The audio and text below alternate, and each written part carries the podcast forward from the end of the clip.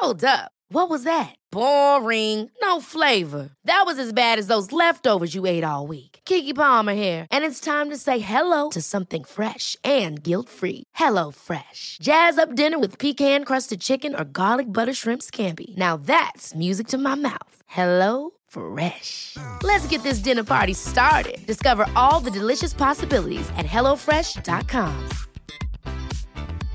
Ryan Reynolds here from Mint Mobile.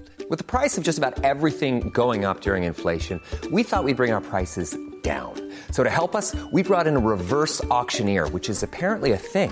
Mint Mobile unlimited premium wireless. Ready to get 30, 30, bit to get 30, bit to get 20, 20, 20, bit to get 20, 20, bit to get 15, 15, 15, 15 just 15 bucks a month. So, Give it a try at mintmobile.com slash switch. $45 upfront for three months plus taxes and fees. Promo rate for new customers for limited time. Unlimited more than 40 gigabytes per month. Slows. Full terms at mintmobile.com. Hey, it's Ryan Reynolds, and I'm here with Keith, co-star of my upcoming film, If, only in theaters May 17th. Do you want to tell people the big news?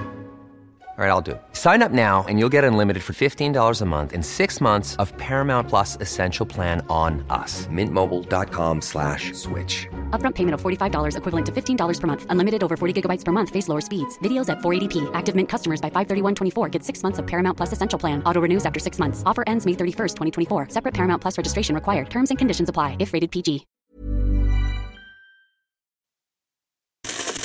Du har ju då uppmanat svenska folket att inte bidra med att sprida hatiska budskap och falska berättelser. Och var och en av oss bär nu ett stort ansvar. Dagen efter skrev Richard Jomshof den nu så omtalade tweeten, får man väl ändå säga, där han säger att profeten Muhammed är en massmördare, eh, slavhandlare och rövare. Vad tycker du om att han skrev så? Ja, jag har sagt gång på gång att jag tycker att alla ska besinna sig. Vi har väldigt stor yttrandefrihet i Sverige och var och en får själv ta ansvar. Men man ska också vara medveten att det man säger kan få konsekvenser. Allt som är lagligt är inte lämpligt. Varför lyssnar han inte på dina uppmaningar? det får du nog fråga honom om. platform.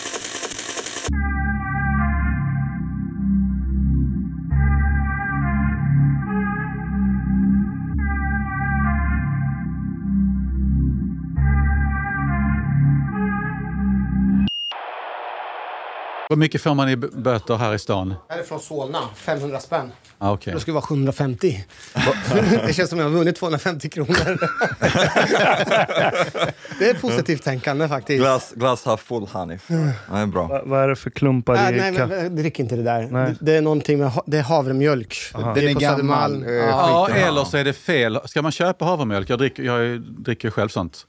Gör du? Då, då ska man använda... Ja, ja, jag är vegetarian sedan snart 30 år. Det är ju en bild som inte kommer fram i Det media. kan man också prata om. Att du är en havre... Äh, sitter du ner och kissar också eller? Ja, klart det gör. Hela min världsbild rasar. Kanske Här har inte- jag liksom tyckt kanske att inte du på är en offentligt förebild och en duktig politiker och så är du en havremjölk. Jag gillar, eller sojalatte uppskattar jag också. Vem inspirerar dig till det? Till vegetarianska livet? Greta. Men, 30 år det är sedan. allra, en av de första politiska frågorna som jag blev intresserad Jag gick, var ju med i MUF något år, 85-86. Sådär. Jag, sy, syntar, många var med i MUF. Ehm, det var försvarsfrågan, vilket kan bero på min finska bakgrund. Jag tyckte det var oerhört fascinerande med liksom så här, ja, den sortens och stormaktstid och sånt. Och det andra var Tibet och Dalai Lama. Att Jag var otroligt fascinerad av honom. Vilket fick mig fundera väldigt mycket på den sortens frågor.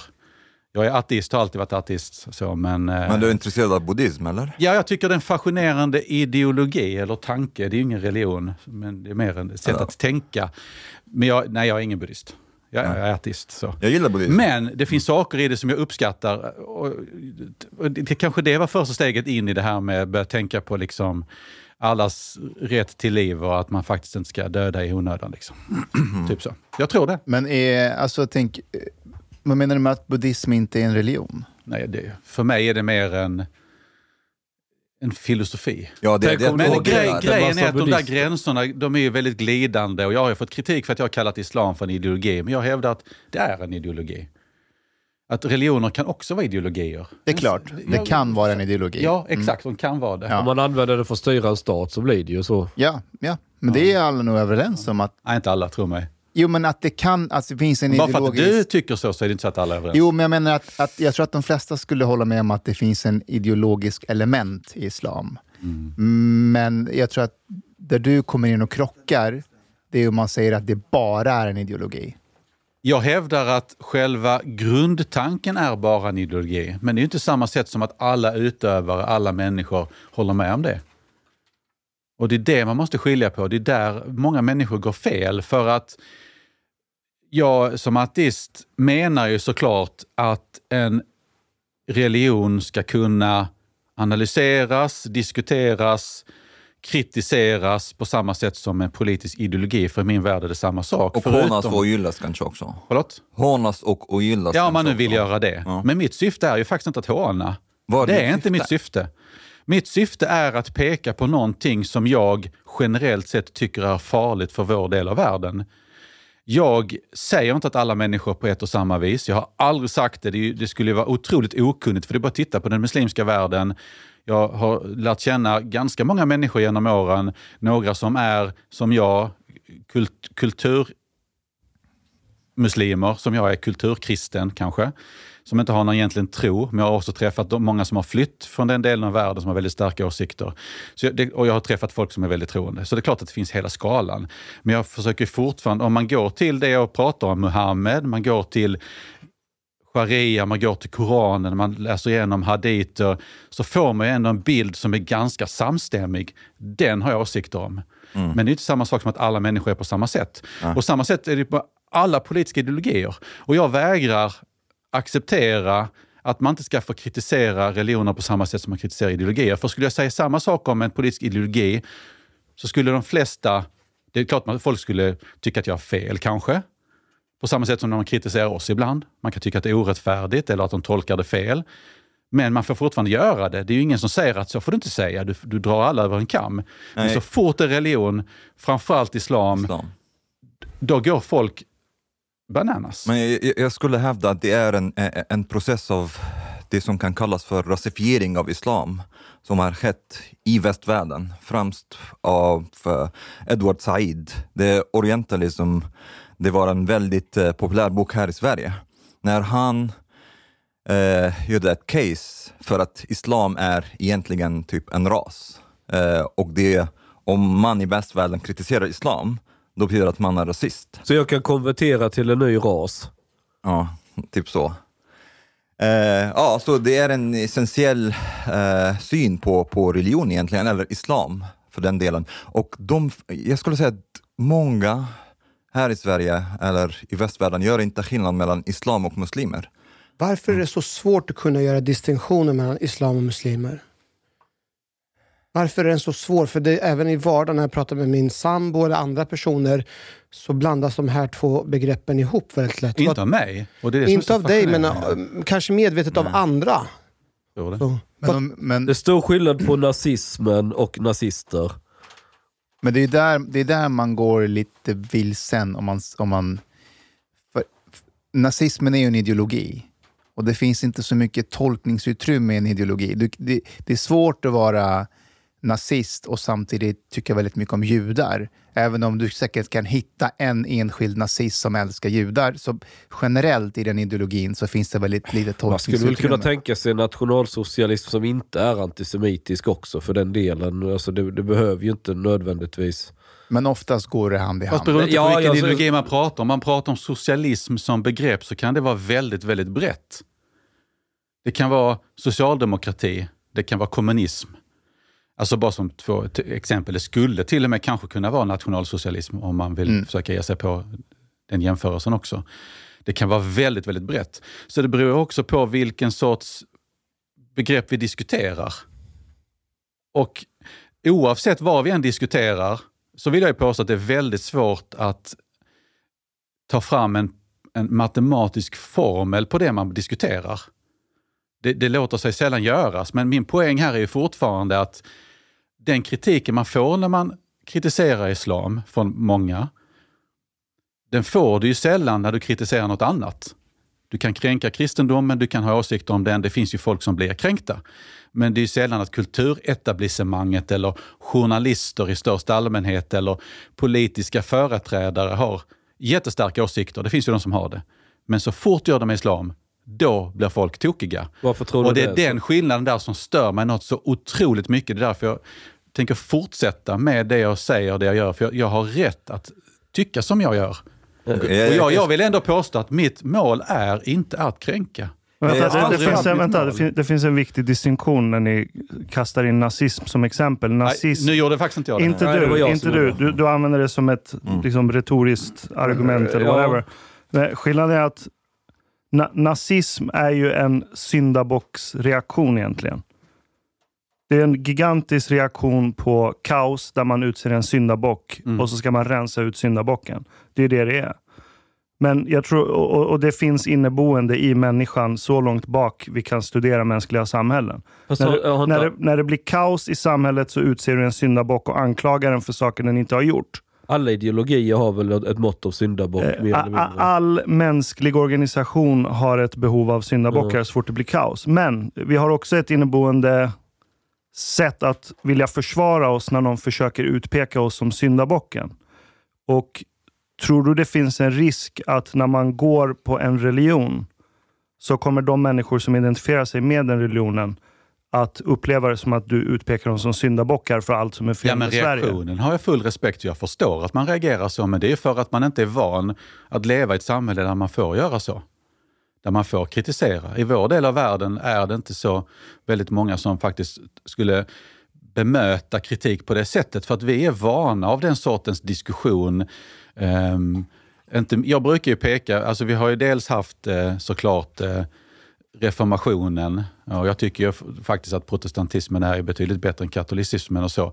Men det är ju en förändringsprocess och vi hade hela upplysningstiden och allt som det innebar. Och det var nog inte lätt att leva under den tiden. Hade jag levt då så hade jag gissningsvis varit en av de som kritiserade kristendomen väldigt mycket. Um, om jag hade haft samma ateistiska utgångspunkt. Så att vi har ju gått igenom en process som bitvis har varit ganska problematisk och vi har ju krigat sinsemellan, alltså oss emellan här i Europa. Och vi har dödat varandra, vi har fängslat varandra, vi har ja, allt det där. Men vi har ändå kommit en, en, ganska långt i den här processen och skapat ett samhälle som jag anser var ett av de bästa, kanske det bästa samhället i hela världshistorien. Och så har vi då en annan del av världen där man inte har gått igenom den processen. Jag säger inte att man är efter på något sätt. Ja, man, man är efter så tillvida att man inte har haft en demokratiseringsprocess, Men de är inte vana att mötas på samma sätt, att diskutera frågor på samma sätt. Man matas med ett budskap att det som står här är sant. På samma sätt som man matade folk i vår del av världen också en gång i tiden. Och där har vi skillnaden. Vi, har alltså, vi befinner oss i samma tid. Men en del av världen har liksom sekulariserats ganska ordentligt. En annan del av världen är ju fast i religionen på sätt som vi var för några hundra år sedan. Och där har du ju själva problematiken. Men, men jag ska ju inte behöva ändra mig eller liksom lägga band på mig för att det finns människor som inte uppskattar vårt sätt att vara i vår del av världen. Och det är det som är min poäng. Även om man Sen är- kan jag förstå att man blir upprörd, men det måste man acceptera Jag, jag, jag tänker du sa innan om att kristendomen har gått igenom det här i, eh, efter decennier av friktion där man fängslades Ja. och, och dödades och allt sånt där. Om du ska sälja det här till svennebananer, Mm. Att islam måste reformeras. Oh, det har jag sagt många gånger. Jo, precis, men du ska sälja konceptet och så att på vägen dit, Mm. det är att det kommer bli, ganska, det kommer bli en del blod, det, det, det kommer, folk kommer slåss, folk kommer fängslas. Så var det ju under kristendomen. jag vet, jag vet. Men det är viktigt att vi går igenom den här processen. Tror du att vanlig svennebanan tänker ja, då, då, då, då har vi det här. Ja, men vi har ju redan gått igenom den processen. Problemet nu är att, så här, att det finns människor i andra länder som inte gått igenom den processen, som vill tala om för oss vad vi får säga och göra i vår del av världen. Och då ska vi rakryggat säga att det kan inte ha inte ens ni med att göra. Det här är vårt land, det är liksom våra gränser, det är våra lagar, här bestämmer vi själva. Och min poäng är väldigt enkel, det spelar ingen roll om du kommer från Syrien, Irak, Finland eller Danmark. Vill man inte ställa upp på de regelverk vi har här, då har man inte i vårt land att göra. Då ska man flytta hem igen. Punkt. Men, men, och jag, att jag nämner Finland och Danmark för att det är lika relevant där. Det spelar ingen roll var man kommer ifrån, för detta är vårt sätt att leva. Och jag har så otroligt svårt för att man ska liksom nedmontera vår demokrati för att man blir kränkt. Men jösses. Nej, men det, det ska vi inte göra. Man måste Nej, men det finns ju någon som tycker så. Ja, men, men Mustafa, det, det, behöver inte, det är inte det som vi ska sälja till svenskarna.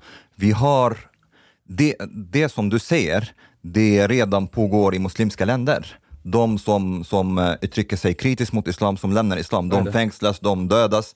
Pakistan, Bangladesh, all over. Iran. Här, vi behöver inte göra det. Vi behöver inte döda eller fängsla muslimer. Eh, Så vi har redan en, en sekulär demokrati här. Jo, jag vet, Ja. men, men eh, processen att demokratisera islam eller sekularisera, liberalisera, den är ju inte helt friktionsfritt. Det- så det, det Paludan gjorde, inte. det eh, Iraken gör, du vet, folk går med, i, i, i, i, i bästa fall så gör de ingenting, i sämsta fall med brandsläckare och kastar stenar mot honom, det blir upplopp i förorterna. Det är ju också en del av processen att liberalisera islam. Alltså till slut så tröttnar folk och säger okej, vi har demokrati, vi har yttrandefrihet, vi, som, som det hände med Paludan. Jag undrar bara om, om det här konceptet, den här resan, om, om svenskar säger ja, men vi kör. Men min poäng där är ju att I Sverige. vi I har ju Sverige. redan Jo. haft vår resa och det är klart att det fortfarande pågår en resa. Och det är därför det här, jag vill än en gång understryka det här att kommer man till vårt land och inte vill vara en del av den resan, då ska man inte vara i vårt land heller. Alltså, Och jag kan så- inte acceptera att man försöker dra, driva den här liksom, i någon helt annan riktning. Eller kan vara här och suck it up. Exakt så. För, för till viss del, Rickard, en del, jag, jag, jag köper fullt ut att en del som passar inte får man dra, men en del är ju liksom födda och uppväxta här. Och hur, hur förhåller vi oss till dem? Ja, det är ett jättestort problem och det är det som är själva, och det är där också kritiken mot den här mångkulturella utgångspunkten, eh, massinvandringen, där man, som jag anser har tvingat på det svenska folket någonting som det svenska folket inte vill ha. För att det har aldrig funnits en majoritet för den här sortens politik. Och nu står vi där, oavsett vad man har för bakgrund, oavsett om du har en annan bakgrund eller är pursvensk, så, så, är, så befinner vi oss i samhället här idag. Och det tror jag vi pratade om sist jag var här också, att nu är vi ju där vi är. Och, och det enda sättet att försöka hantera det här på seriöst sätt, det är ju att stoppa inflödet av människor. Inget mer, det finns inget... Nej, men jag, Finns det det går andra? inte. Folk blir förälskade, folk vill jobba, folk pluggar. Ja, men det, det går ju inte att komma ifrån. Jag bara menar att vi måste stoppa inflödet åtminstone av flyktinginvandring från, från andra delar av världen. Och vi som då är kvar, oavsett bakgrund, måste då försöka tillsammans ta oss vidare. Och då måste ju samhället också vara väldigt, väldigt tydligt säga att i Sverige gäller det här. Nu är det det här som gäller. Och nu, nu tar vi oss framåt tillsammans. Man har chansen att faktiskt flyt, flytta härifrån om man inte vill vara en del av den resan. Jag säger ju inte att, att alla som har annan bakgrund ska flytta hem. Däremot så måste vi enas kring den här majoritetsberättelsen. För att gör vi inte det, de problemen vi ser idag är ingenting mot de problem vi kommer att se i framtiden. Om vi inte hittar majoritetsberättelsen igen, för den har ju funnits. Sen har det ju alltid så, det är också viktigt att understryka, det är klart att det alltid funnits människor även i, ett, i det ganska etniskt homogena Sverige som inte har känt sig som en del av majoriteten. Av andra anledningar. Så är det alltid. Men vi måste försöka. Vill, vill du berätta? Förlåt. Ja. Men, men min fundering, jag är med dig. Eh, En del är födda här, de går inte att göra någonting åt. Men å andra sidan så har vi en stor majoritet eh, av eh, etniskt svenskar som mer eller mindre vill vandra den vägen. Vi, vi ser inom socialdemokratin och hur de har röstat nu, hur de vill göra det. Att de är ju lite mer på islamisternas sida där man vill kalla saker och ting för islamofobi och så vidare, även för vanliga kritisering. Hur ska vi få med oss den gruppen på resan? jag försöka prata med dem. Problemet idag är att det är inte så lätt. För att det stora problemet vi dessutom har i vårt samhälle, det är ju att, att, att vi, vi har glidit isär. Och det är ingen hemlighet ehm, att, att olika grupper av människor har glidit isär. Och att man alldeles för ofta, och de problemen har ju även vi bland våra medlemmar, man vill bara ha bekräftelse på sina egna åsikter och värderingar. Man vill missförstå sin, sin politiska motståndare för, för att det, av olika anledningar. Vi måste tillsammans försöka överbrygga det här för att det är också ett problem för att vad man än säger idag så blir det missförstått. I stort sett. Det spelar egentligen Man försöker hela tiden bara hitta, och det finns många journalister som jobbar på det också, sättet också. Man vill inte veta, vad, vad menar du egentligen? Jag tror inte riktigt jag förstod vad du sa där. Vad, vad var det du egentligen du menade? Hur ofta får man den frågan? Man kanske får den här, men det är sällan du får det av tv så att säga, eller radio. Utan man, man, man vill missförstå och så, så gör man en liten halm, halmgubbe och sen så är det den som gäller och så är det den som dina motståndare krigar mot. Och, och det där gör bara att vi glider isär. så att prata, prata, inte- diskutera, försöka samtala, bjuda in till samtal. Vilket man, ni gör här. Det är det enda sättet framåt. Det går inte på något En annat Du fråga- måste chans, annars Ja, har han sagt något på jättelänge. Nej, men, varsågod, tyst nu, Men han, har- han, har, han har inte avbrutit. Nej, jag vet, det, är, det är imponerande. Den den här tweeten, du skrev att Mohammed är en krigsherre Yes. och, och vad var det mer det stod? Massmördare och rövare. Massmördare och rövare. Blev den tweeten missförstådd? Upplever du att den blev missförstådd? Och i så fall, vad var det du ville säga? Nej, alltså missförstådd. Det blev Folk, hävdar, liv och folk kritik. hävdar ju, det finns ju de som hävdar att det jag säger inte är sant. Tro mig, allt går att belägga. Och så finns det de som säger att det är nog sant, men du får inte säga det nu. Typ så. Det är väl där vi är. Varför skulle du inte få säga det nu? Ja, men det får du väl ställa frågan till de som, som, som tycker så. Men vad tror du? För att, för ja, men har ju- förmodligen handlar det om såklart det uppskruvade tonläget. Att det finns människor, igen, eh, som är villiga att använda våld, islamister, för att tysta och skada människor som inte tycker och tänker som de gör. Och då ska man inte få säga vissa saker nu. Det, det, vissa tycker så, andra hävdar att det inte är sant alls. Men, jag hävdar att allt går att liksom, om, vi, om, belägga. vi, om, om vi skiter Yes. i de här som påstår att, eh, att det du skrev inte är sant, för Mm. det är ju så, om man går i historien. Mm. och läser det så, så kan man ju objektivt säga att det, det du skriver Mm. är sant. Men om vi är i ett läge där, där eh, Mm. Sverige är i en säkerhetspolitisk eh, liksom, fara, Mm. vi har en statsminister som gång på gång säger till medborgarna, besinna er, tänk på vad ni säger, Mm. och han har vid flera tillfällen sagt att det du säger är ja, inte så bra för, Mm. för läget i Sverige. Hur, hur, vad tänker du om att vår statsminister säger så? Jag tänker att han, jag har stor respekt för, för regeringen och även statsministern i många frågor, men där har han fel. För att hela skiten i ett svar på, på en nyhetsartikel där två av tre höga muslimska företrädare säger att de söker dialog. Okej, dialog. Jag tror på dialog. När man läser så inser man att syftet med dialogen är att ins- begränsa vår Alltså inskränka demokratin och begränsa yttrandefriheten. Det är liksom syftet med dialogen. Då svarar jag, jag tycker också vi ska ha en dialog. Men istället för att, för att försöka begränsa vår demokrati och inskränka yttrandefriheten så kanske vi snarare ska prata om alla problem som finns inom islam, inom den muslimska världen med antidemokrati, kvinnofientlighet, allt det här. Va? Eller så pratar vi om, om profeten Muhammed som ligger till grund för det ni tror på. Och så nämnde jag några saker kring honom. Det var ett svar. Det intressanta här är att väldigt få, nästan ingen, har kritiserat de här höga muslimska företrädarna som finns i Sverige. Som tydligt säger att de vill inskränka och begränsa det vi får säga och göra här i Sverige. Men man kritiserar mig för att jag kritiserar dem. Men är det inte Och det är skillnad på dig fascinerande. Och, är det inte skillnad på dig och dem?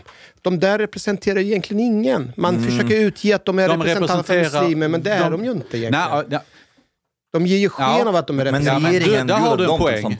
Men sak. andra politiker Ja. erkänner dem som höga muslimska företrädare. Och ska inte jag få kritisera dem när de säger det jag anser vara korkade saker? Det inne- innebär att politiken ska inte få ha någon som helst åsikt om vad religiösa företrädare arbetar för i Sverige. Vilket på sikt mycket väl skulle kunna innebära, om det här fortsätter, några årtionden, 50 år, 100 år, att vi får en situation som Iran. Där de här religiösa företrädarna är så många, så starka och så kaxiga. Nu tar vi makten. Men Rickard, syftet med din tweet, var det mer att markera mot... Jag markerade mot Markera. de två Ja. av de två av tre och säger att istället för att diskutera, ha en dialog om hur vi begränsar demokratin, ska vi ha en dialog om er, era Ja, åsikter, jag er tro. Det, är det- där det kommer ifrån. Det var poängen. När, när du säger att om det fortsätter på det här sättet så kan det bli som Iran. Och Jag är helt det, övertygad om det. rätt vad det är så kan några av de här ledarna ta makten. Hur, hur skulle det exakt gå till? Vad behöver vara på plats för att en islamistiskt lagd ledare ska få makten över Sverige? Jo, men det intressanta är att, att väldigt många människor Hey, it's Ryan Reynolds, and I'm here with Keith, co star of my upcoming film, If, only in theaters, May 17th. Do you want to tell people the big news? All right, I'll do it. Sign up now and you'll get unlimited for $15 a month and six months of Paramount Plus Essential Plan on us. Mintmobile.com slash switch. Upfront payment of $45 equivalent to $15 per month. Unlimited over 40 gigabytes per month. Face lower speeds. Videos at 480p. Active Mint customers by 531.24 get six months of Paramount Plus Essential Plan. Auto renews after six months. Offer ends May 31st, 2024. Separate Paramount Plus registration required. Terms and conditions apply if rated PG. Hold up. What was that? Boring. No flavor. That was as bad as those leftovers you ate all week. Kiki Palmer here, and it's time to say hello to something fresh and guilt-free. Hello Fresh. Jazz up dinner with pecan-crusted chicken or garlic butter shrimp scampi. Now that's music to my mouth. Hello Fresh. Let's get this dinner party started. Discover all the delicious possibilities at hellofresh.com.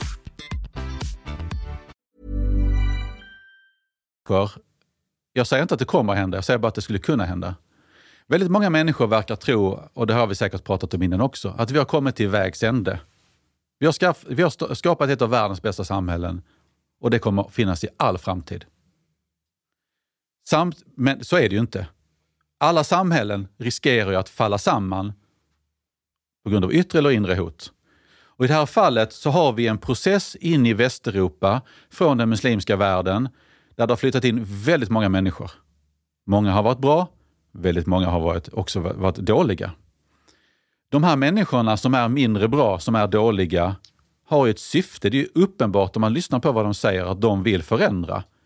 Ju starkare de blir, desto större makt kommer de att få. Om du samtidigt då har politiska partier som springer deras ärenden och som tycker att ja, men det är väl inte så farligt. Det är klart att vi har en, ett, ett reellt problem. Det handlar inte bara om islamisterna, det handlar om deras medlöpare också. För tittar du på Iran och du tittar på revolutionen så var det inte bara islamisterna som gjorde kaos i Iran.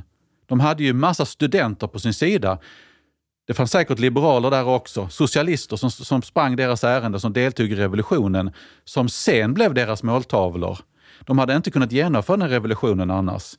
Så att det här är ju liksom en process där olika parter liksom anpassar sig till varandra och går samman. Det är den processen som är farlig på sikt. För jag menar, när jag växte upp på 80-talet så hade jag nog inte trott att det vi pratar om idag, det som har hänt idag, skulle kunna hända. Det är inte jättemånga år sedan 80-talet. Alltså det här pågår ju ständigt, den här processen.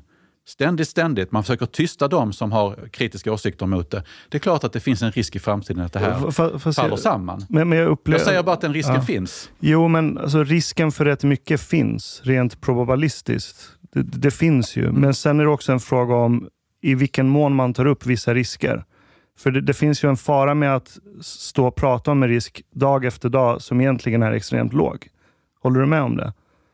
Ja, just idag, här och nu. Men nu börjar vi se tendenser där man släpper fram den här sortens människor. Lite som du säger att, att vissa individer, man accepterar att de ser sig själva som företrädare för, för en större grupp individer.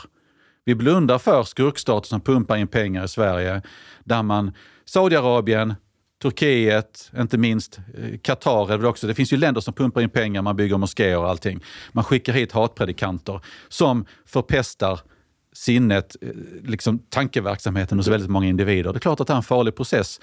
Och eh, oavsett hur liten risken den är så, så anser jag att jag har rätt i en demokrati att, att säga att den här risken finns och försöka stoppa det. Du, du har helt rätt. Mm. Där är jag med dig. Vi, vi är överens om att det finns stater som pumpar in pengar här för ändamål som inte är så liberala och demokratiska. Där, där är vi överens.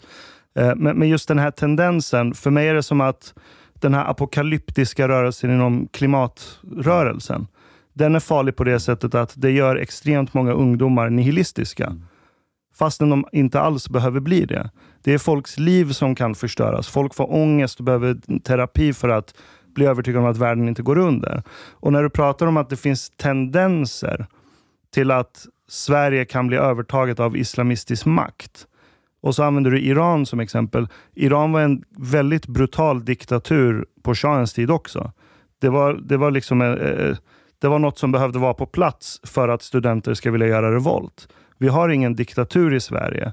Och om de här tendenserna som du pratar om finns, borde inte till exempel partiet Nyans åtminstone kommit in i riksdagen? Ja, men poängen, Vart här, är de här tendenserna? poängen med Iran, det är ju snarare att intellektuella gick samman med islamister. Det var poängen.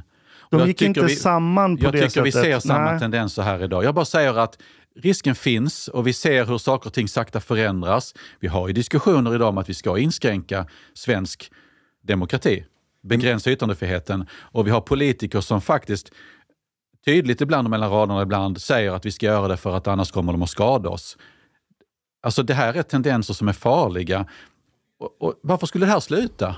Ja, men, men, kanske att, att säga det, är, det, det kommer bli som Iran, det, enligt mig att dra det för långt. Men vi kan komma överens att det finns en stor risk att islamism och salafism växer i Sverige och blir ett problem. Det, um, Alltså att det blir enklaver. Ja, problemet Ja, är ju inte bara de grupperna, jag ska bara för förtydliga. Problemet är ju att, att övriga vill anpassa sig efter dem.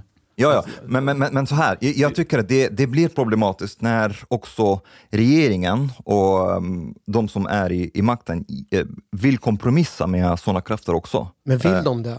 Ja, du inskränka Uppenbart. På vilket, på vilket sätt har man kompromissat? Jag, jag, jag vill... Okej. Inskränka demonstration. Det har man inte gjort. Vänta, vänta, vänta. Man, vill utreda Vänta, vänta, vänta. Du är statsminister eller minister, vad som helst, och du ser en imam som säger att han är inspirerad av Muslimska brödraskapet och du väljer att, att den här personen eller säger att den här personen är sam samarbetspartner och bjuder honom till dialog. Det, det är sjukt. Bjuda han- till dialog är inte samma sak som att inskränka. men, men, men om han säger att han är... Det, det är någon som... Du, vad är poängen med att prata med en islamist? Jag förstår inte. Och ge honom legitimitet på, på det sättet och säga att... Um, va- varför? Vadå, vi, vi, vi har pratat prata med med islamister. Nej, nej, nej. Men, ja, ja, vi pratar ja, men inte säga ja, men du och jag, vi är partners och vi Okej. kommer hitta en väg tillsammans där vi kommer överens. Jag kommer ja, kanske göra lite eftergifter och du gör lite eftergifter och vi hittar Fattar, en väg. fattar. Fast Ja. nu, nu var ju statsministern pratade i Agenda igår och han var ju väldigt tydlig med att sådana personer som Rickard ska få kritisera och att det kommer inte bli några begränsningar av yttrandefriheten. Enda detaljen som man tittar på nu det är att tillsätta en utredning för att se ifall man kan ändra ordningslagen för att begränsa den. Vänta, begräns- vänta, vänta, Kan du vänta. sluta? Vänta. För, in, för Sveriges säkerhets skull, alltså för inrikes och ut, utrikes säkerhet. För grund av att det finns personer utifrån som kommer att utnyttja vårt land och eh, för att liksom skapa eh, instabilitet. Där försöker man täppa till det. Det är ju inte sig, i sig begränsa yttrandefriheten. Jo, det är Är, det. är du dum eller? Vi Vad ska- menar vi Kan inte du, kan, inte du kom, kan inte du komma med saklig kritik Jo, istället? det kan jag göra. Men säg det, säg vad det är istället då. Ja, Ja. Vi ska utreda en inskränkning, punkt. Nej, det är jo, ingen det är exakt inskränkning. vad det handlar Nej. om. Det är för att vi ska kunna stoppa demonstrationer om terroristerna bara hotar tillräckligt mycket. Som du vill säga någonting, men så står jag och hotar med våld. Då ska regeringen kunna säga, eller stat, polisen kunna neka dig tillstånd. Tvärtom. För att det finns folk som vill begå terrordåd. Tvärtom. Det är exakt vad det handlar om. Nej, Det tvärtom. står innantill. Tvärtom, det finns skurkstater i andra länder som vill påverka och ska, sk- Ja, skapa om, om man splittring. vill ge dem den makten via Nej, ordningslagen. nej, nej, nej, det vill inte. Det, Nej. de, de, de utnyttjar ju situationen som det är nu. Man tar personer utifrån och gör att de kan göra så att det blir splittring i landet. Det är exakt vad det är som är problemet. Ja, och, då, och då tystar vi de som är besvärliga för att gå de In- makterna Inte mötes. tysta, man kan flytta på dem. De behöver inte precis vara utanför en moské. Ja, men det, det De- handlar är inte om det. är inte- Nej, du ska kunna Nej. neka tillstånd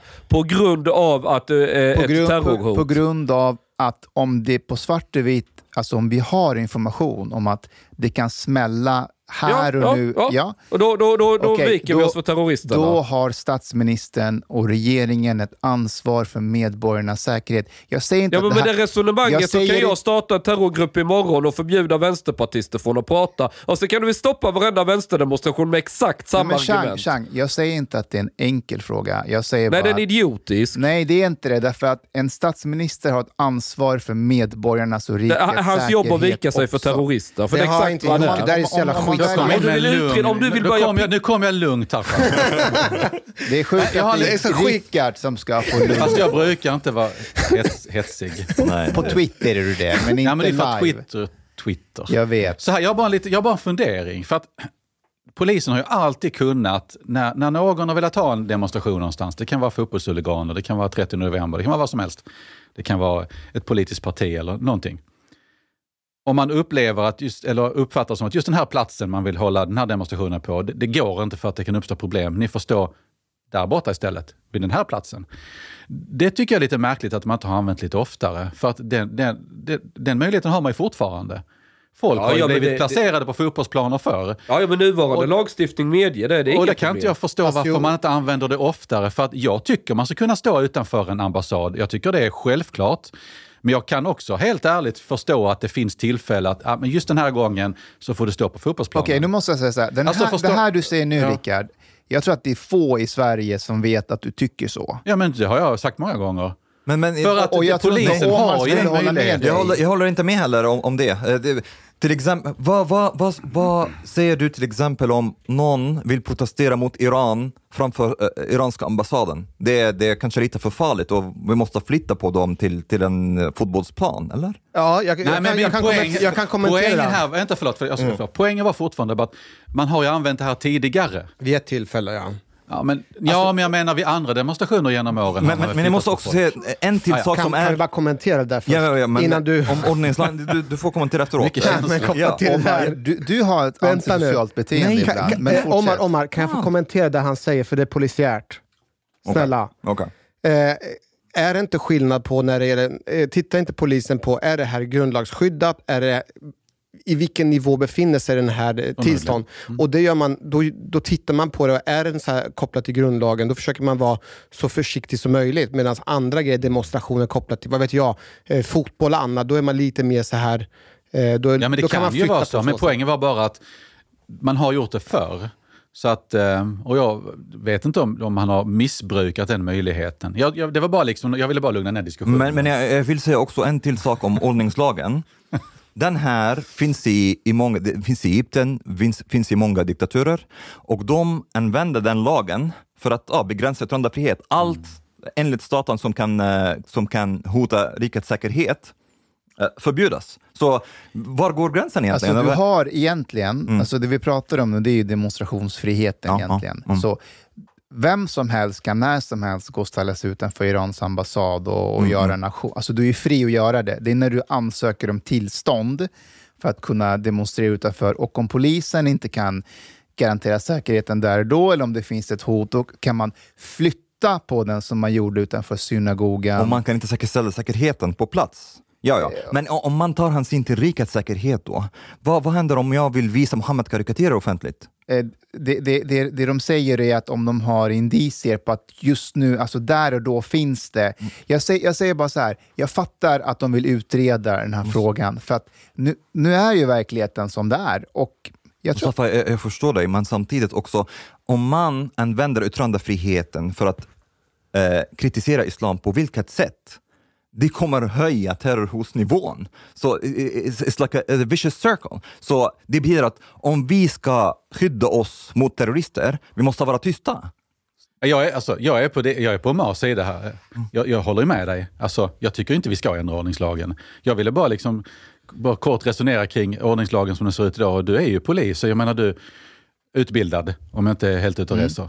Så att du, du borde ha koll på det här. Så att jag menar, men, men du nämnde en annan sak också som är Alltså, intressant. vilket då? Att- Ja, men just det här med att man ibland faktiskt kan flytta på en Ja, ja, demonstration det- någon det kan man. Det gjorde man i men är inte, du Göteborg. sa också en annan sak som också är intressant. Du har ju faktiskt rätt att, att hålla en manifestation när du vill. Du Ja. kan stå i ett gathörn och prata om någonting. Ja. Så att man behöver ju inte ens söka tillstånd. Nej, man behöver ju inte. Nej, det är därför exakt. jag ja, menar men det är en viktig det, diskussion. Det är skillnad på demonstrationsfriheten, alltså att man ansöker om tillstånd, och yttrandefriheten. Du kan när som helst, när du vill, gå, gå utanför vilken ambassad som Så, helst. så även om ordningslagen ändras kan man bränna Koranen framför irakiska iranska ambassaden. Du behöver inte söka ett tillstånd, du kan göra när som helst. och Det är polisen inte kommer inte det är inte- stoppa. Det är inte Stopp. brottsligt. Ja, ja, jag förstår. Men, så vad är poängen med att ändra, ändra ord- ordningslagen om polisen kommer inte stoppa? Vad är det exakt man vill ändra? Ja, exakt. Man vill utreda ifall eh, om det finns alltså, direkta hot mot rikets säkerhet, om man kan flytta på demonstrationen eller begränsa det på något sätt, om det är du vet, utifrån en ambassad eller moské eller så. Okej. De föreskrifterna finns redan idag i ordningslagen. in- Men det är Vad- om det, om det redan Och, finns? vänta, vänta, lyssna på vad jag säger. De finns redan ifall det är lokala oroligheter. Mm. De vill bara utreda om, om man också kan tillämpa det på rikets men det jag säkerhet. inte fattar det är att om det finns någon som vill göra en anti-islamisk aktion i Sverige utanför, säg, Irans ambassad. Mm. Och så höjs terrorhotet för att uh, Khamenei, andliga ledaren, blir arg. Ja. Och sen har vi en ny ordningslag där då den här aktionen får hållas en kilometer bort från Irans ambassad. Tror man då att den andliga ledaren Khamenei kommer säga okej, då är det okej? Att, det, det, det är ju så dumt ställd Ja, fråga. det är för det. Nej, det är inte. Nej, jag tycker det var en ganska Nej. bra fråga. det, det, det är väl jätterelevant? Nej, men, Kolla här. Det är väl jätterelevant? Nej, jag, fa- ja, men ni tror ingenting. det, det, Vad- Det är fan idioterna som kommer begå terrorattentat. Ja, attentat. nej, nej, nej, nej, nej, just a second. Om han går ut och säger att Sverige är i krig med den muslimska världen, och, eh, det är klart att han inspirerar andra eh, för att be- begå terrordåd mot Sverige. Det, det är samma sak med Salman Rushdie. Det, det blev liv eh, med Salmans Rushdie Satanic Verses när Iran gick ut och fördömt sa- Satanic Verses. Eh, så det spelar roll. Jo, jag vet, Samma sak men med... jag, eh, menar, jag menar på att i- enskilda individer, kanske, deras känslor är väl i, i, i förhållande irrelevant kring om man, om man bränner Koranen precis utanför ambassaden eller en, Men en det styrker mitt argument ännu mer då. Ja. Och, och, för, för att, om, va- varför skulle en idiotisk individ, som du beskriver det, som vill begå ett terrordåd, varför ska den plötsligt inte vara inspirerad till att spränga någonting bara för att aktionen sker en kilometer de, de kan vi bortanför? inte stoppa, det har du helt rätt i. Ja. Men, men det finns olika grader i helvetet. Om, du, om du åker till en förort och gör det, jämfört om du gör utanför en moské under Ramadan och så lindar du in Koranen i bacon. Det får och har uppenbarligen fått en helt annan spridning runt i världen. Alltså det kan spridas på, accelerera, accelereras på ett annat sätt än som Paludan kanske gjorde, även om det också eskalerade. Fast även utifrån ett polisiärt perspektiv så är det relevant vart aktionen sker. Eh, polisen kan ju skydda en aktion på ett helt annat sätt i förorten jämfört med utanför en ambassad. Så om polisen kan själv diktera att det ska vara 500 meter eller en kilometer från ett ställe där man har bättre koll, det underlättar ju för polisens arbete. Det är ju inte irrelevant. Det har jag förståelse för om Ja. det handlar om att säkerställa ordning och, och säkerhet på plats. Ja. Men Yes. inte säga okej, den- om du uttrycker dig på det sättet, om du visar Muhammed-karikatyr till exempel. Det är väl ingen som har sagt så? Jo, men Vem det, har regeringen sagt det? Ja, tro- tror du att ordningslagen kommer användas bara när det är koranbränning? Muslimerna kommer, kommer bli upprörda om det är Muhammed-karikatyr lika mycket som det är koranbränning. Så det spelar ingen roll. Så om jag säger att jag, jag vill ha en utställning av Muhammed-karikatyrer framför iranska ambassaden till exempel. Tror du att, aha, den här, det är konst. Det kommer inte hö- höja terrorhotsnivån. Jag tror att det kommer uppröra människor, men om man flyttar på den personen så de upprörda människorna är ute på ett fält, då blir det lättare att hålla koll på dem. Utifrån ett polisiärt Vet du, jag, perspektiv. jag, tror att så länge, jag tror att så länge ett land som till exempel Iran, som jag skulle säga det finns fog för att de kan ha något finger med i spelet i vad som har hänt på sistone i Sverige. Ehm, om, så länge de har intressen i Sverige, vilket det också finns fog för. Mm. Vi, vi har en av deras i förvar just nu. Dömd för Mm. folkmord. Right? Så, så länge de har ett intresse, då, va, nästa steg blir då att hbtq-människor vill göra en aktion utanför Irans ambassad Ja. och kanske stå och kyssa varandra. Och så kan de använda det som argument. Är, är du med? På, på hur det snabbt kan eh, gå ned för när man öppnar den dörren. Och det är därför jag också är emot att vi ska se över den här ordningslagen, just för att det kommer att användas fel. Jag är helt övertygad om Vad, det. vad tror du kommer hända? Kommer det ändras? Eller? Jag vet faktiskt inte. Det, det är jättesvårt att säga om det för att vissa partier har varit ganska tydliga, andra har varit lite mer vacklande och vissa politiker är tydliga, andra är lite mer vacklande. Så att det är svårt att säga vad det kommer att landa i. Men jag tror det är farligt att ta ett steg i den riktningen för, för att det, det kommer bara bli, bli värre. Kan, kan, kan regeringen erbjuda SD någonting som de kanske... Ja, jag har ju svårt att tänka mig att vi skulle kunna gå med på det. Jag tycker inte vi ska gå med på det. Kan det inte vara ett realpolitiskt drag bara då? För jag menar, en utredning behöver inte betyda att det händer något. Det lär ju bli en utredning vad vi än tycker om det. Så att jag tror inte... Men är är det inte som man kan säga att regeringen är i en sits där de måste agera, de måste göra någonting. Och då, då ligger det här närmast till hands, att inte göra någonting. Nej, men alltså att, att sitta i regering oavsett färg i tider av problem på det här sättet, det, det är ju inte lätt. Alltså det är klart att det inte är. Det, det, viss respekt får man ju ha. Att, att, du har ju ytterst ansvariga som du kan ställa till svars om det händer saker. Det är klart att, att det här är en väldigt känslig situation för de som faktiskt har den absoluta makten i Sverige den här mandatperioden. Så det kan jag förstå. Problemet som jag ser med utredningen, det är ju då att det finns individer, Tobias Billström till exempel, så, inte bara han men fler, som har använt sig av begrepp som islamofobi. Och Bi- så här, Billström är en individ som jag har stort förtroende för. Jag har ändå liksom varit iväg och rest med honom och har stor respekt för honom. Men där tycker jag han är helt ute och reser.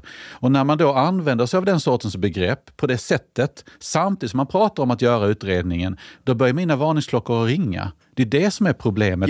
Inte att man agerar i sig, för att jag har full respekt för det. Jag är inte ett fan av islamofobibegreppet. Den är, det är ett konstigt begrepp. Kan du se ett annat begrepp man skulle kunna använda för att beskriva aversion mot muslimer i samhället eller så?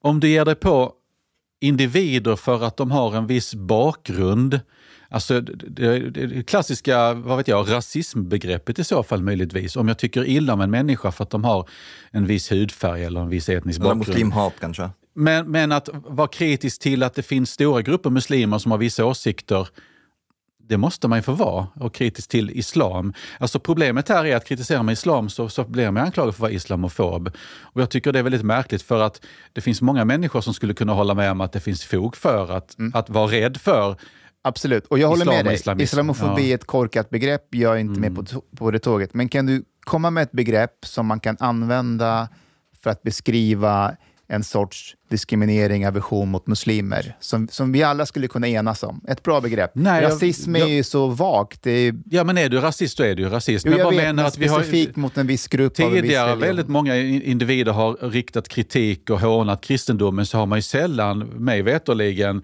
kanske aldrig em, haft en diskussion om att vi måste hitta på ett begrepp. Men vi har begreppet antisemitism till exempel. Fast det är emot Ja, men det är ju det är etnicitet. en, det är emot en exakt. etnisk grupp. Men, men eh, kan man inte använda muslimhat till exempel som Eller muslimfientlighet. Eller bara aversion mot islam. islam? Islam islam är religionen. men- Fast men jag skulle Rickard- aldrig liksom, alltså, jag skulle aldrig vilja Alltså muslim är ju ett väldigt vanskligt begrepp. Det, är ju liksom, det, det kan ju betyda precis vad som helst. Jag skulle aldrig ge mig på människor för att de är muslimer bara för att de är muslimer. Möjligtvis då om de om, säger saker om deras tro som jag inte håller med om. Då kan jag kritisera dem. Men det är för deras åsikter, deras tro, deras värderingar. Men inte för att de har en, alltså har en viss bakgrund. Det är något helt annat. Jag skulle aldrig någonsin göra det.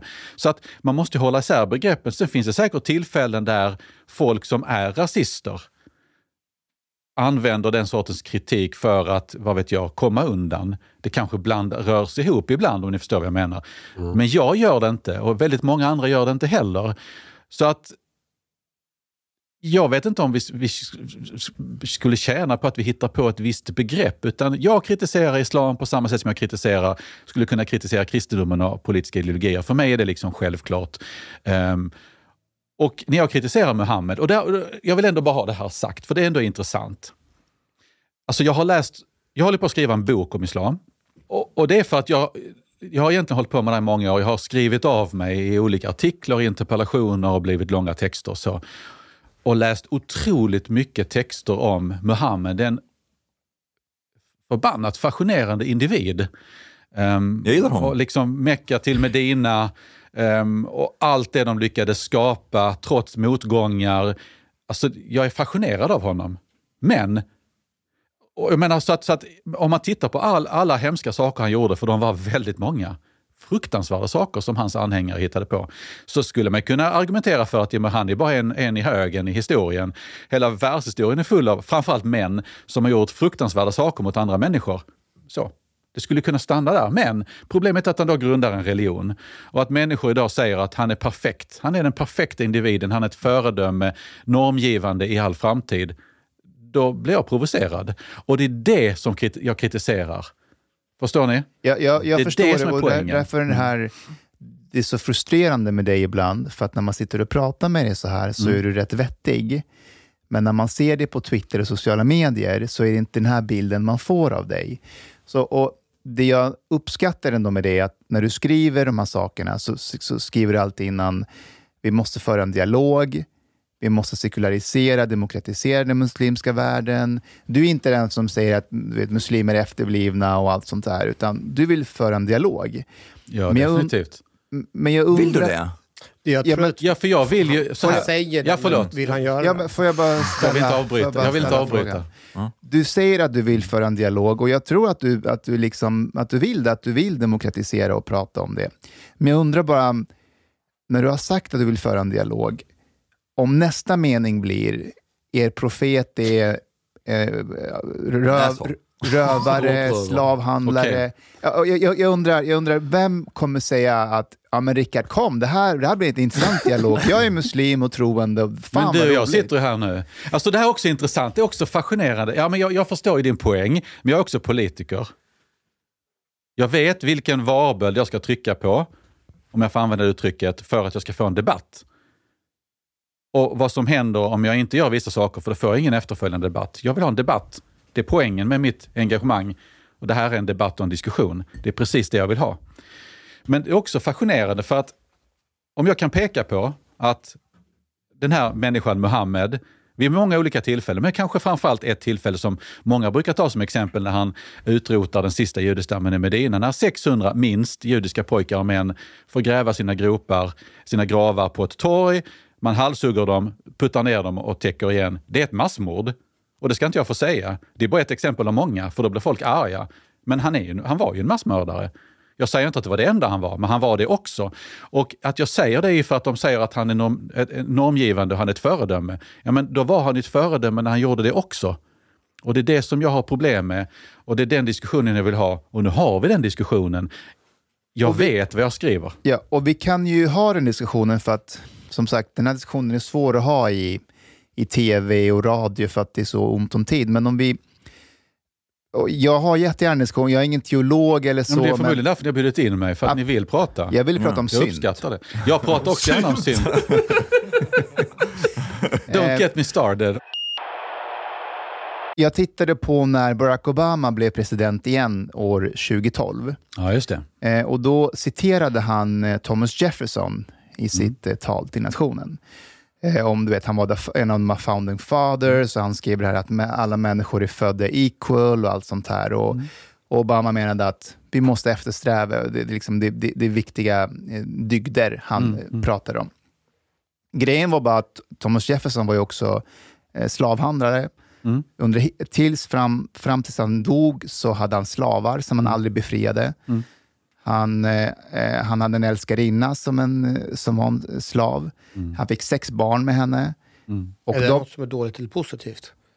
Jag bara frågar. Är det- sluta. Nej, men jag jag, jag, håller på att hålla en... Ah, Okej, sorry. Okej. sorry. Eh, och hans barn levde som slavar Mm. eh, också. Eh, samtidigt som han ville att man skulle befria slavar och så. Jag tror att, mång, jag tror att alla amerikaner eh, vet vem Thomas Jefferson var, Eh, för att han är en viktig figur. Det är därför Obama citerar honom. Men jag tror, jag tror att långt ifrån alla amerikaner känner till de här sidorna hos honom. Men alla amerikaner skulle säga att han var en förebild för, för USA. Eh, han är en anledning till att vi är här nu. Tror inte du att det är lite så med Mohammed också? Att när muslimer säger att han är en förebild så är det inte att han mördade judiska barn och de här klanerna, utan att man pratar mer om de så kallade goda sakerna han gjorde. Alltså jag tror sällan på att saker och ting är svart och vitt, utan oftast är det en vågskål. Man får lägga bra saker i den ena och dåliga saker i den andra. Och som jag sa, hela historien är full av människor som gjort dåliga saker.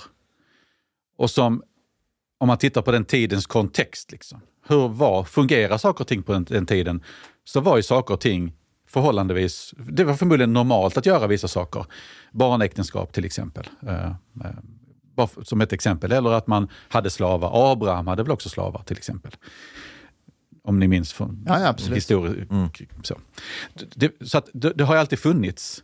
Eh, Men problemet här är än en gång att, att man säger han är ett normerande föredöme. Jag tror inte att Obama skulle säga att han var ett föredöme som slavhandlare, utan han hade andra sidor också.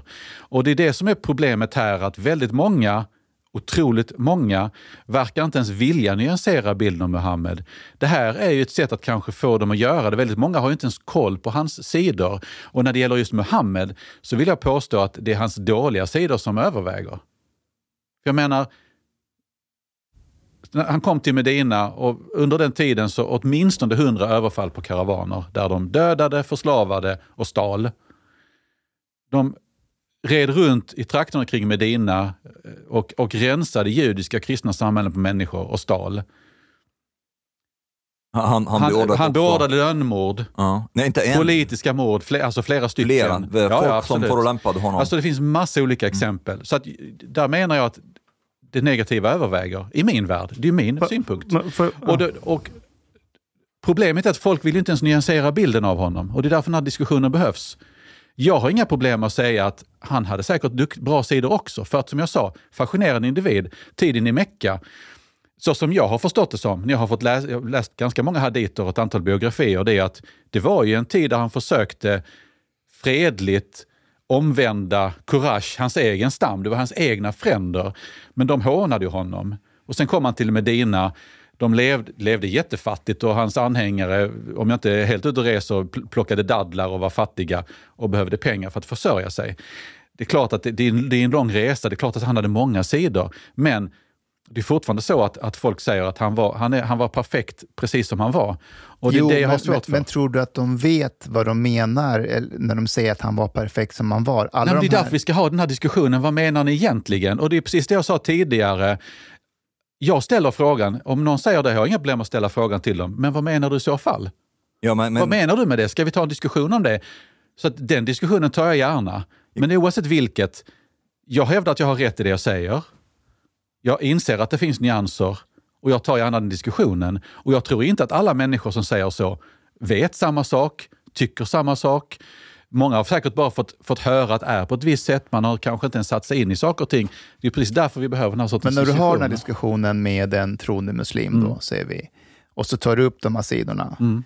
Vad tänker du dig att den personen ska... Alltså, vad är målet? Alltså, andra sidan, när ni är klara med diskussionen, ska den personen ta avstånd och förkasta de här sakerna Mohammed gjorde och sen ta avstånd från dem helt? Eller ska han bara säga ja, det där var dåligt, men han är fortfarande min profet, men de där sakerna. Alltså, vad, vad ska ni komma fram till andra sidan? Kommer, alltså problemet som jag ser det, det är att, att jag försöker ändå, jag, jag pratar of, alltså mak, makropolitik. Jag kan ju se vår del av världen, den kristna världen, framförallt den protestantiska delen av världen i, i norra delarna av Europa.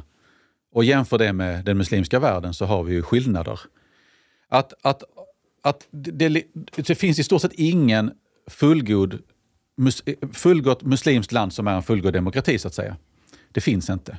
Och de har ju olika grad av problem, det varierar naturligtvis. Alla länder är inte som, som Qatar, eh, Pakistan, Saudiarabien, Iran. Självklart inte. Självklart inte. Men där finns problem. Och vi har, om man tittar på de värsta terrororganisationerna så är de i stort sett samtliga är, har muslimsk, muslimska rötter eller är, är islamistiska. Och det är ju ett problem. Och det kommer ju av att man inte har haft den här diskussionen. Alltså, mitt mål är egentligen inte bestämma vad du ska tycka eller tro, utan jag vill verkligen att alla de människorna som växer upp i de här samhällena ska ha chansen att få växa upp i ett samhälle där man får ha där man ska kunna välja att inte vara muslim, att bli ateist, som är, för övrigt är den största synden av dem alla, om jag förstår det hela rätt. Att jag som ateist är ju det värsta av de värsta. Värre än månggudadyrkarna, värre än bokens folk. Jag är liksom the shit liksom. De hatar artister, alltså de som är verkliga islamister. Men det, jag vill ju förändra det. Och vi måste förändra den bilden så att de här människorna, för att jag har ju svårt att se hur vi växer upp i demokratier och vi ser hur folk förtrycks. Vi måste försöka göra vad vi kan för att de inte ska förtryckas. Det är min, mitt mål. Inte att tala om hur man ska tro eller hur, hur någon annan ser på Man får tycka vad de vill om Muhammed. Men det ligger ju till grund för de förtryckande länderna. Ja. Det är någonstans är väl, någonstans, väl lite förenklat mi, mitt mål, att, att vi måste demokratisera dem. Jag vill att alla iranier jag känner ska kunna känna att de kan åka tillbaka till sitt hemland som jag, jag uppfattar att alla älskar och kunna leva i en demokrati. Alltså att Iran är en demokrati där inte islamisterna styr. Det måste väl ändå vara ett mål? Ja, men jag, jag måste få flika in en grej där. För Å ena sidan ser du att du, du vill stoppa förtryck. Så om jag, om jag förstår det rätt så är det det som är den underdrivande kraften. Ja, jag tror ju på demokrati som Ja. institution. Men, men eh, finns det inte en risk här att du försöker rationalisera religion med hjälp av logik? Medan en människas val av religion inte har så mycket med logik att göra egentligen. Ja, det är inte Det- jättelogiskt, säger jag som ateist. Jag håller med. Nej, och, och, och det finns en ologisk aspekt i västerlänningens tro också. Det kommer vi aldrig komma ifrån. Vi, vi alla utgår ifrån antaganden som inte går att styrka. Vad tänker du på då? Vad sa du? Vad, vad menar du Ja, ingenting att styrka vare sig Guds existens eller icke-existens, om det är det du menar. Nej, men att vi är individer och kärnfamiljen är det naturliga tillståndet för människor. Det finns massa grundantaganden vi i väst också gör som Står det är så Gud skapade oss? enligt... vä- vi gör massa grundantaganden som inte går att styrka med logik eller med vetenskaplig data. Så, så du, du, du analyserar... Ja. Ja, men vänta, du analyserar islam och profeten med logik. Det här är vad han gjorde. Det här är moraliskt förkastligt. Eh, därför är det dåligt. Medan personen som är muslim med stor sannolikhet inte har fötts som ett tomt ark för att sen bestämma sig för att bli muslim.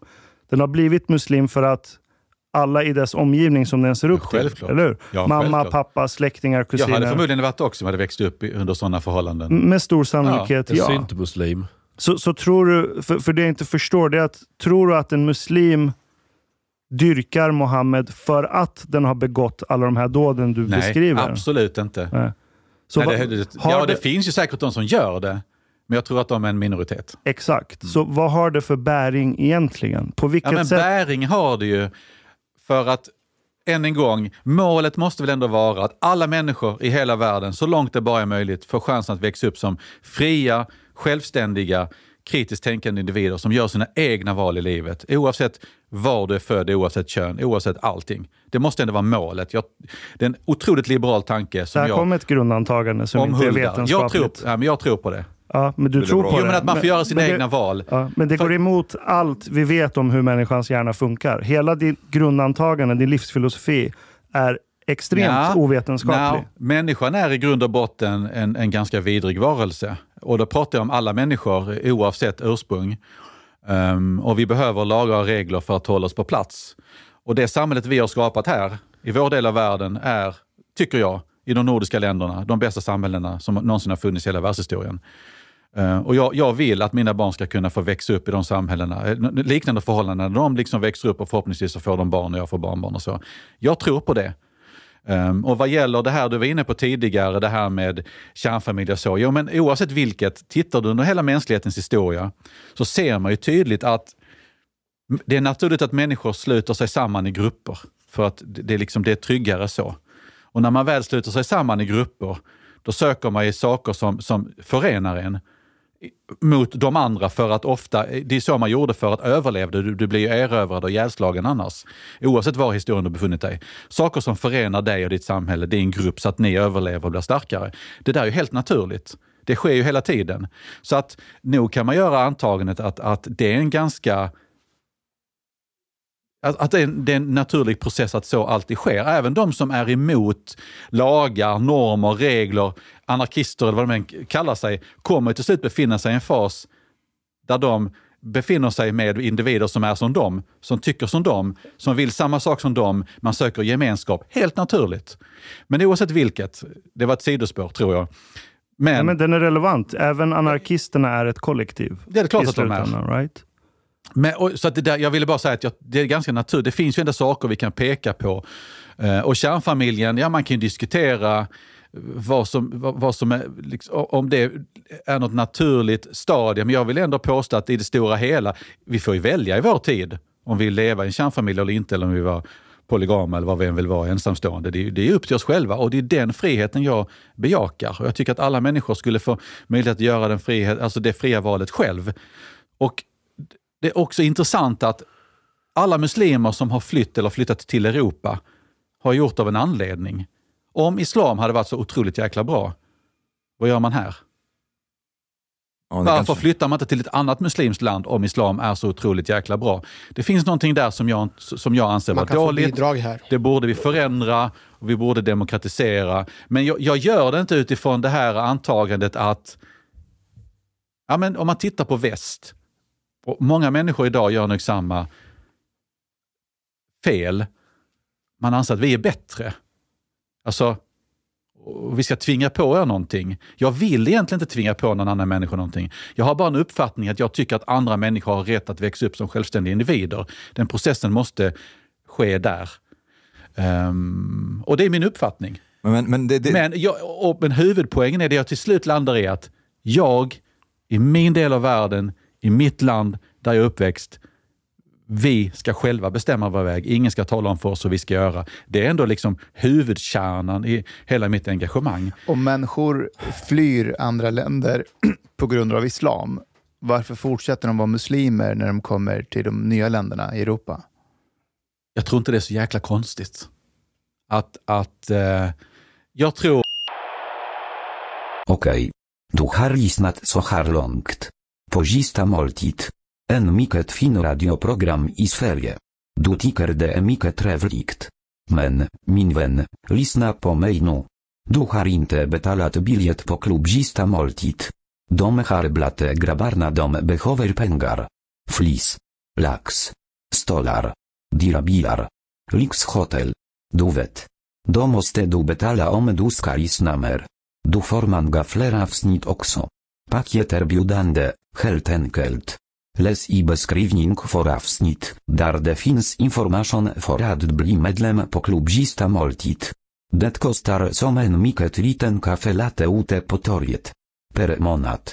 Lätt som en plätt. Tack, min vän.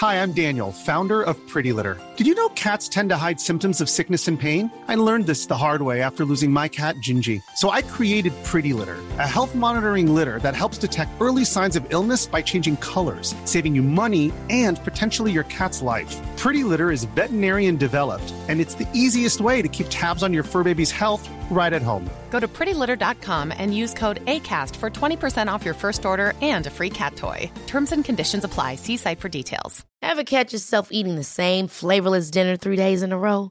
Dreaming of something better? Well, HelloFresh is your guilt free dream come true, baby. It's me, Gigi Palmer. Let's wake up those taste buds with hot, juicy pecan crusted chicken or garlic butter shrimp scampi. Mm. Hello Fresh. Stop dreaming of all the delicious possibilities and dig in at HelloFresh.com. Let's get this dinner party started. Hey, it's Paige DeSorbo from Giggly Squad. High quality fashion without the price tag? Say hello to Quince. I'm snagging high end essentials like cozy cashmere sweaters, sleek leather jackets, fine jewelry, and so much more. With Quince being 50 to 80% less than similar brands.